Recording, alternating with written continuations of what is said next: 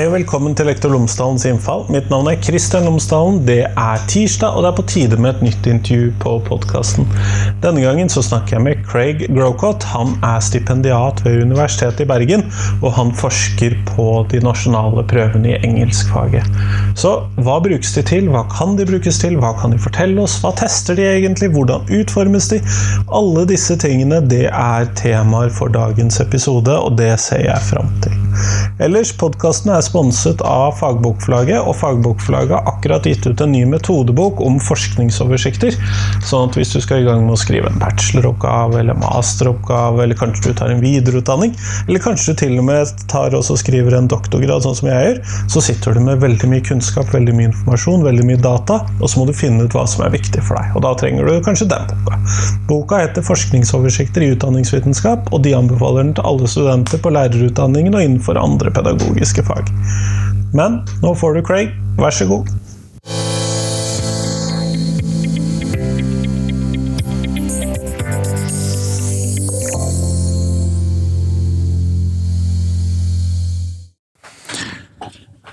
Craig Crocott, tusen takk for at du har tatt deg tid til meg i dag. Bare hyggelig. Takk for invitasjonen. Før vi kommer sånn ordentlig i gang, så er du nødt til å fortelle lytterne mine tre ting om deg selv, sånn at de kan få bli litt bedre kjent med deg. Ja. Jeg, eh, jeg er Craig Grocott. Jeg er fra England, men jeg flyttet til Bergen i slutten av 2011 som eh, masterstudent. Jeg, eh, jeg har tidlig jobbet som lærervikar, som prøveutvikler, og ikke minst som barista. Og ja, nå er jeg ph.d.-stipendiat på UiB.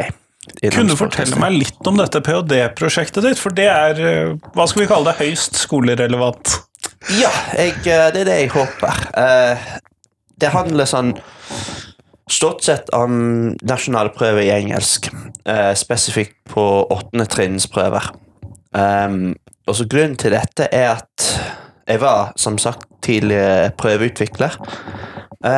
Og jeg merket i løpet av den perioden at det var noen ting som ikke var forsket på. Um, også, det gjelder også på mange forskjellige prøver. Um, men for eksempel uh, prøvens validitet, som vi kommer sikkert tilbake til seinere. Altså om prøven måler det prøven sier at den skal måle? Ja, i, i prinsipp. Og så um, seinere forskning på validitet har utviklet litt på dette, så før handlet det stort sett om prøvens innhold. Altså, ja, måler vi det vi skal måle? Er det en refleksjon av rammeverk og læreplan og sånne ting?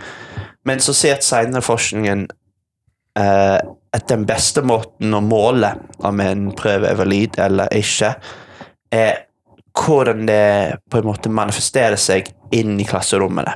Um, fordi alle prøver skal i prinsipp ha konsekvenser. Selv om ikke konsekvens i den tradisjonelle Karakterer og sånn? Ikke sant. Um, men en konsekvens kan være at den gir informasjon til lærere. Og hva de skal fokusere på senere i året. Um, og så all, alle prøver skal uh, i, prinsipp, i prinsipp ha um, helst dokumentert konsekvenser før de tas. Altså hva er vitsen med denne prøven? Fordi ingen prøve eksisterer i vakuum. Sånn? Så det skal være ok, hva skal vi gjøre med disse resultatene? Hva skal det bety for uh, elever? Hva skal det bety for lærerne? Hva, altså, I noen tilfeller, hva skal det bety for myndighetene eller skole, skoledistrikt? Og, så det, det kommer veldig an på hva hva som er eh, de dokumenterte målene til en prøve. Og spesielt med disse nasjonale prøver så har de vært ganske kontroversielle prøver. Eller de var det tidligere på 2000-tallet. Um, fordi de hadde um, dokumentert mål om å uh, på en måte måle uh, engelskkunnskap, regning, norsk lesing. Um, bare for å gi informasjon til, til foreldrene og til lærerne. Men så så var det Det var noen lærere som oppdaget det var sånn Eller oppfattet at det, de ble på en måte målt som lærere. Så det var mange lærere som, som følte at det ikke var At det var urettferdig, rett og slett. ehm, at de skulle måle skoler mot hverandre, så det var noen som følte at ok, hvis, hvis naboskolen får bedre resultater, så kan det hende at de får mer penger i fremtiden. Eller motsatt. Det var noen som jeg fant ut gjennom forskningen, som mente at jo verre vi har det, jo mer penger vi kommer til å få i fremtiden.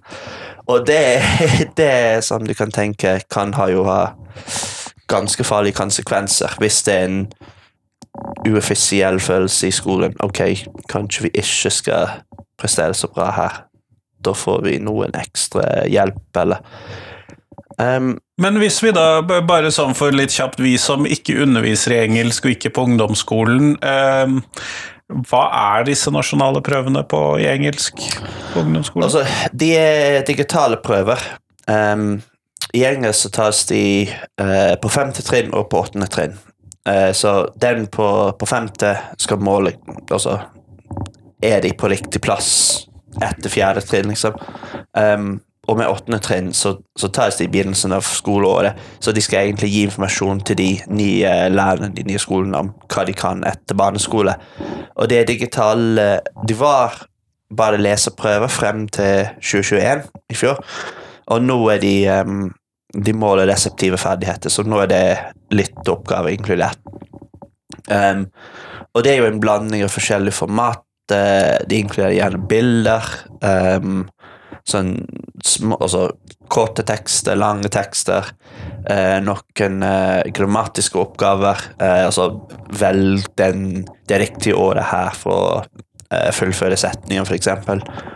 Um, så, men blir det stort sett tekstforståelse.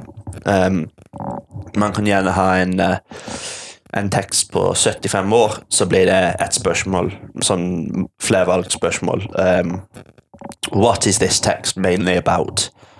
Og så kan man velge a dog, a table, a car, bla, bla, bla. Um, og de skal uh, i teori måle de, eh, de hovedleseprosessene um, som forventes av barn på den alderen, eh, ifølge de forskjellige teoriene i leseprosess. Um, så det er sånn det skal, det skal være på en måte en hierarki av ferdigheter, så um, tekstforståelse på å-nivå, ut, altså uttrykksnivå, setningsnivå, heltekst, og så da kan man lenke informasjon fra forskjellige deler av en tekst, eksempel. Um, og da har de et rammeverk av mestringsnivåene eh, for å si til lærerne ok, den, eh, den eleven sitter på mestringsnivå to, skal egentlig være på mestringsnivå tre av fem. Um, og det er disse altså Alle lærerne får en rapport etter prøven tas, um, som, eh, som viser hvilke oppgaver eleven slet med. Så hvis Altså ideal world, selvsagt. Hvis læreren får tid, så kan de se på rapporten Ok, Espen han sliter med um, grammatiske oppgaver. Da kan vi tilpasse engelskopplæringen, en- engelskundervisningen til det.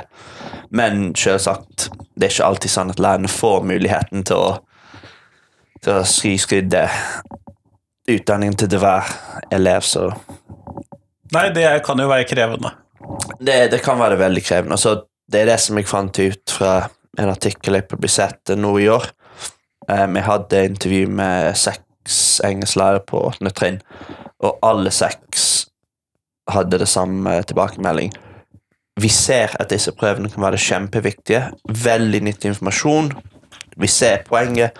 Det er ikke sånn nå at de får press fra rektor til å prestere bra, men de sier at de rett og slett ikke har tid til å analysere resultatene som de skulle, eller lese dokumentene, fordi det, det finnes dokumenter, um, sånn lære, læreveiledningsdokumenter og sånne ting, som eh, forklarer hvordan man kan tilpasse uh, undervisningen uh, til disse forskjellige ferdighetene, eller hva det betyr, hva de forskjellige oppgavetyper måler. Eh, men det er så mange lærere som sier vi har ikke tid til å lese dokumentene. Vi har ikke tid til å gi individuelle tilbakemeldinger til, til, eh, til elevene. Og det tror jeg er den største eh, det største problemet som, som læreren opplever i forhold til prøvene nå, i hvert fall. Med sånn low stakes-prøve. Unnskyld. Nettopp, nettopp. Men når du da ser på dette, så ser du på ulike sider ved disse nasjonale prøvene. Og da nevnte du validitet, men hva mer ser du på? Ja, altså um, Måten jeg ser på validitet, um, er basert på Samuel Messick sin syn av validitet, og han bryter det ned til seks forskjellige aspekter. Um, og det er de tre eh, største aspektene som jeg ser på. Så det han kaller for consequential validity, eh, som handler med konsekvenser, som vi nettopp har snakket om.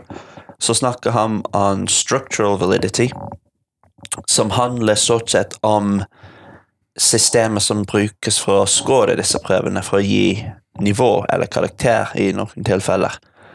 Um, og det ser jeg på nå. Så ser jeg på disse mestringsnivåene som brukes på åttende trinn, så er det én til fem. Og alle mestringsnivåer har eh, et sett med beskrivelser som sier hva en elev kan på det nivået. Veldig, det, det ligner veldig på det felles europeiske rammeverket. Um, kan, men det er litt sånn tilpasset til den norske konteksten, så det står uh, for eksempel mestringsnivå 1 um, kan forstå noen konkrete ord om hverdagsliv. Eller på mestringsnivå 5 den eleven uh, kan bruke en stor og nyansert vokabular, for eksempel. Um, og jeg ser nå på om disse beskrivelsene er en bra refleksjon av det de faktisk Av det som prøvene krever av elevene, på en måte, og om det er en refleksjon av det de skulle kunne, ifølge læreplanen.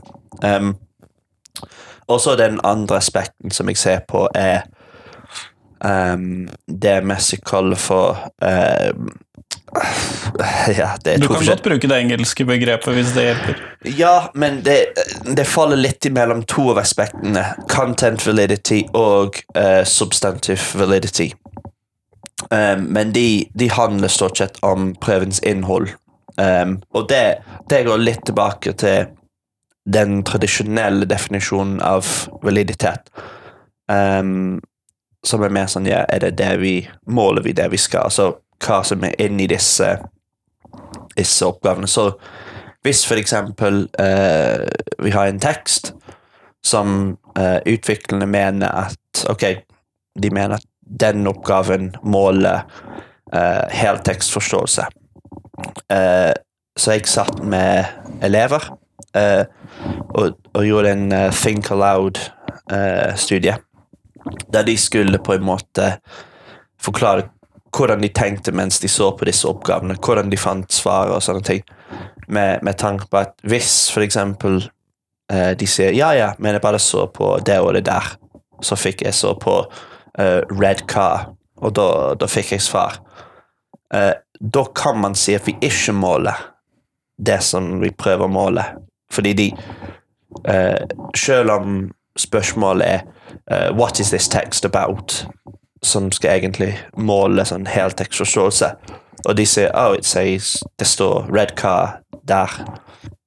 Da handler det om red car. Og hvis det er riktig, så det er sånn Ok, da tester vi Flaks. egentlig Ja, så litt flaks, og vi tester egentlig bare vokabular, som er sånn mestringsnivå én ferdighet. Så Så det er en Ja, jeg skal prøve å se på om om alle de riktige tingene måles. Konsekvenser, um, mestringsnivåene og ikke minst prøvenes innhold. Og så til sammen så, så kan man på en måte skape et bilde av validitet eller trusler til validitet. Blir det mer eh, Eller kompliserer det bildet for deg at vi nå har byttet læreplan? Jo, litt. um, For det høres ut som læreplanen er relevant for dette. Det er det. Og så Jeg har ikke vært så mye involvert i um, å produsere lærerveiledninger, så det er det dokumentet som skal egentlig forklare, forklare hvordan disse prøvene relaterer til læreplanen. Um, og noen av endringene ble litt vanskelig å, å ha med. Um, og for å ta et eksempel um, Den nye LAL-planen står at uh, uh, barna etter fjerde trinn skal kunne lydrette år på engelsk. Og det var sånn de, Ja, det var litt sånn pushback med det, men det ble med uansett. Og så I realitet så har det ingenting med engelsk å gjøre. Altså, hvis man tenker på det sånn lydrette år, så det betyr året left. Det kan de, men right?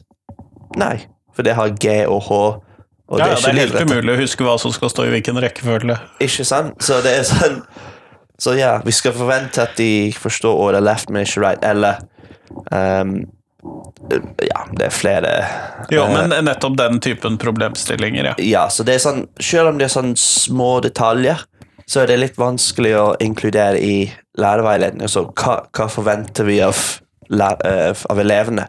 Fordi vi kan ikke måle det i en prøve uten at det blir helt tullete. Men da må Ja, Da blir det basically diktattest. da, sånn. Skriver du right riktig? Absolutt, ja. Eller sånn ja, ren hukommelse av kormannstavene og altså Så jeg, jeg tror det, det er blitt vanskelig for prøveutviklere å reflektere læreplanen også like mye som de vil. Um, men ifølge Utdanningssektoratet og Kunnskapsdepartementet så er det det er ikke så mye forskjell i det de vil måle. Um, og de har jo uh, Ja, de har jo begynt å in inkludere lytteprøver som sier at de er veldig interessert i å, i å måle reseptive ferdigheter, som er jo kjempebra. Um, men ja, altså, etter min mening så er det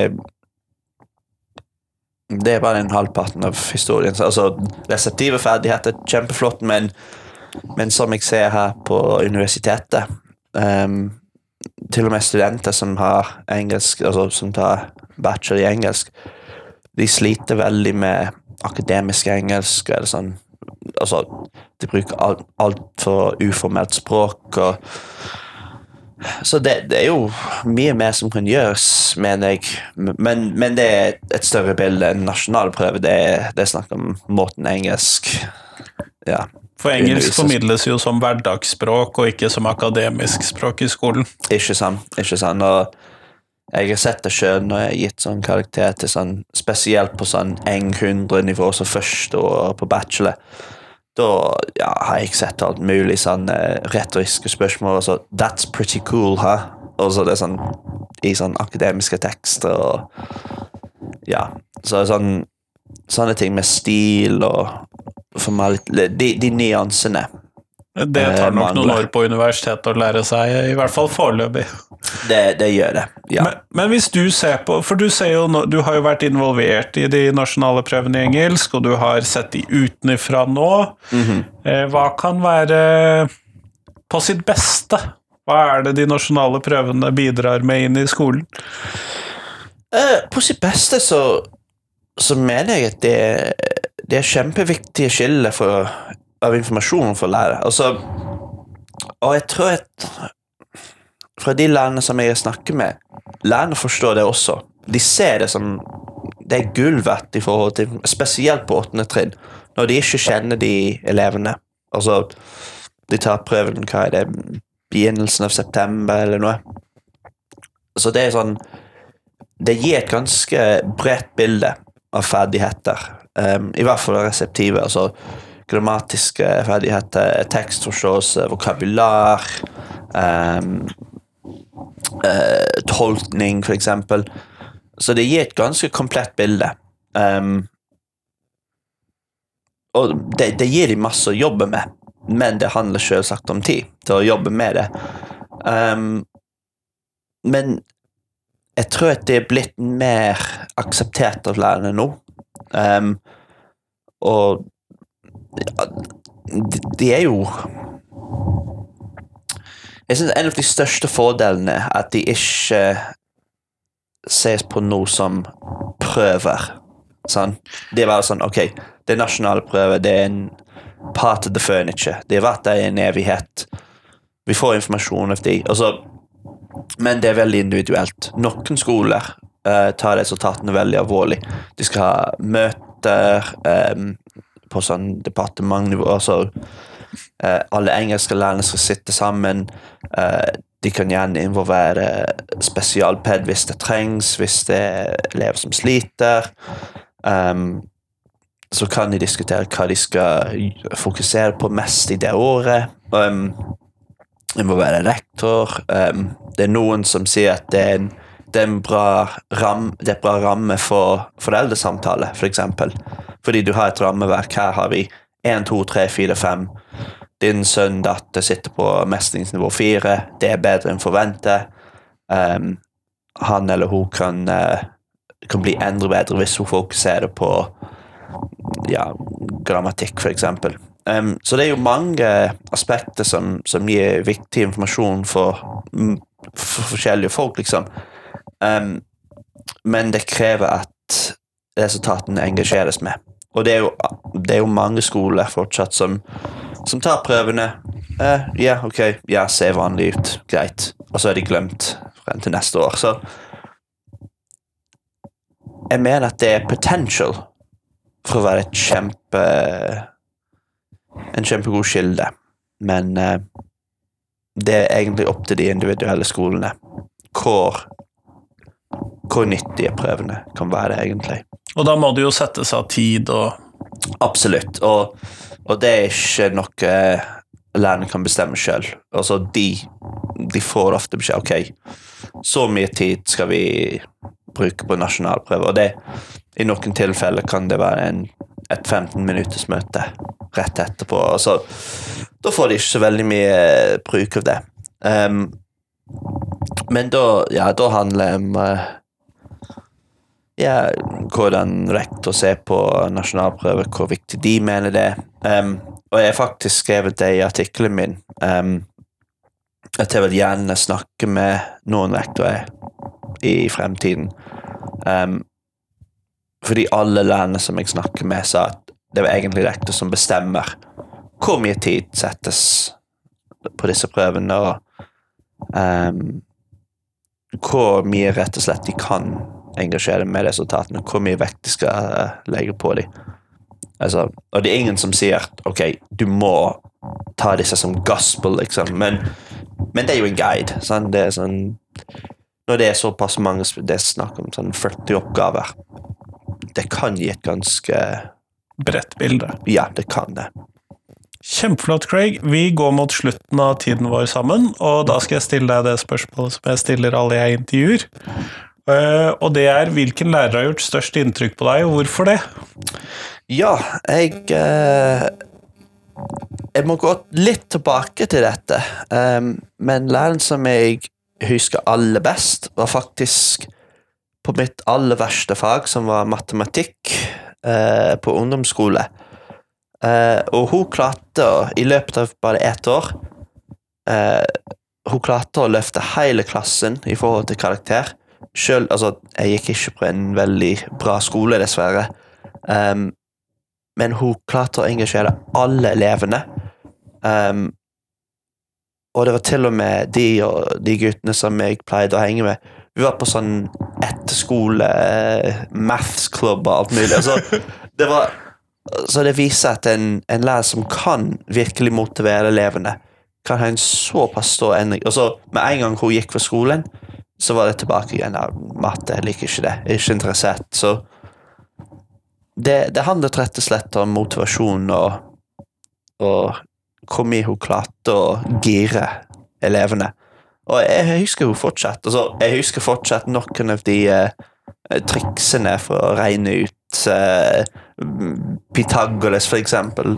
Altså, det og det er snakk om 20 år siden nå, så uh, ja, jeg tror Miss Vernon, hvis du hører på. Du var best. Kjempeflott. Tusen takk, Craig. Bare hyggelig. Takk for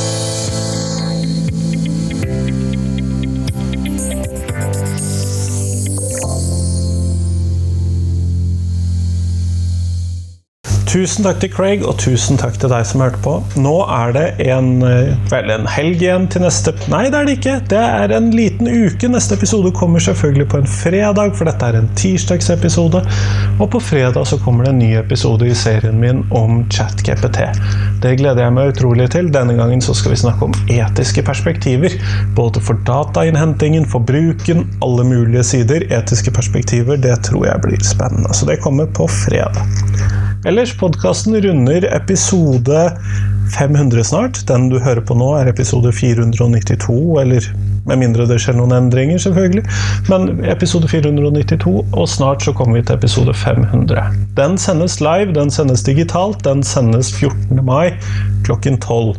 Da kommer det eh, utdanningspolitiske talspersoner fra Høyre og Arbeiderpartiet. Simon Malkenes kommer, og lektorstudentene kommer. Det blir bra. Vi skal snakke om hva er ståa i norsk skole. Du kan sende inn spørsmål på forhånd, så gå inn og sjekk nettsidene, Facebook-sidene, Facebook-gruppen osv. Så, videre. så finner du ut hvordan du kan sende inn spørsmål til panelet. Men det er for en annen dag. 14. mai, som sagt. Nå får du ha en god uke. Hei, hei.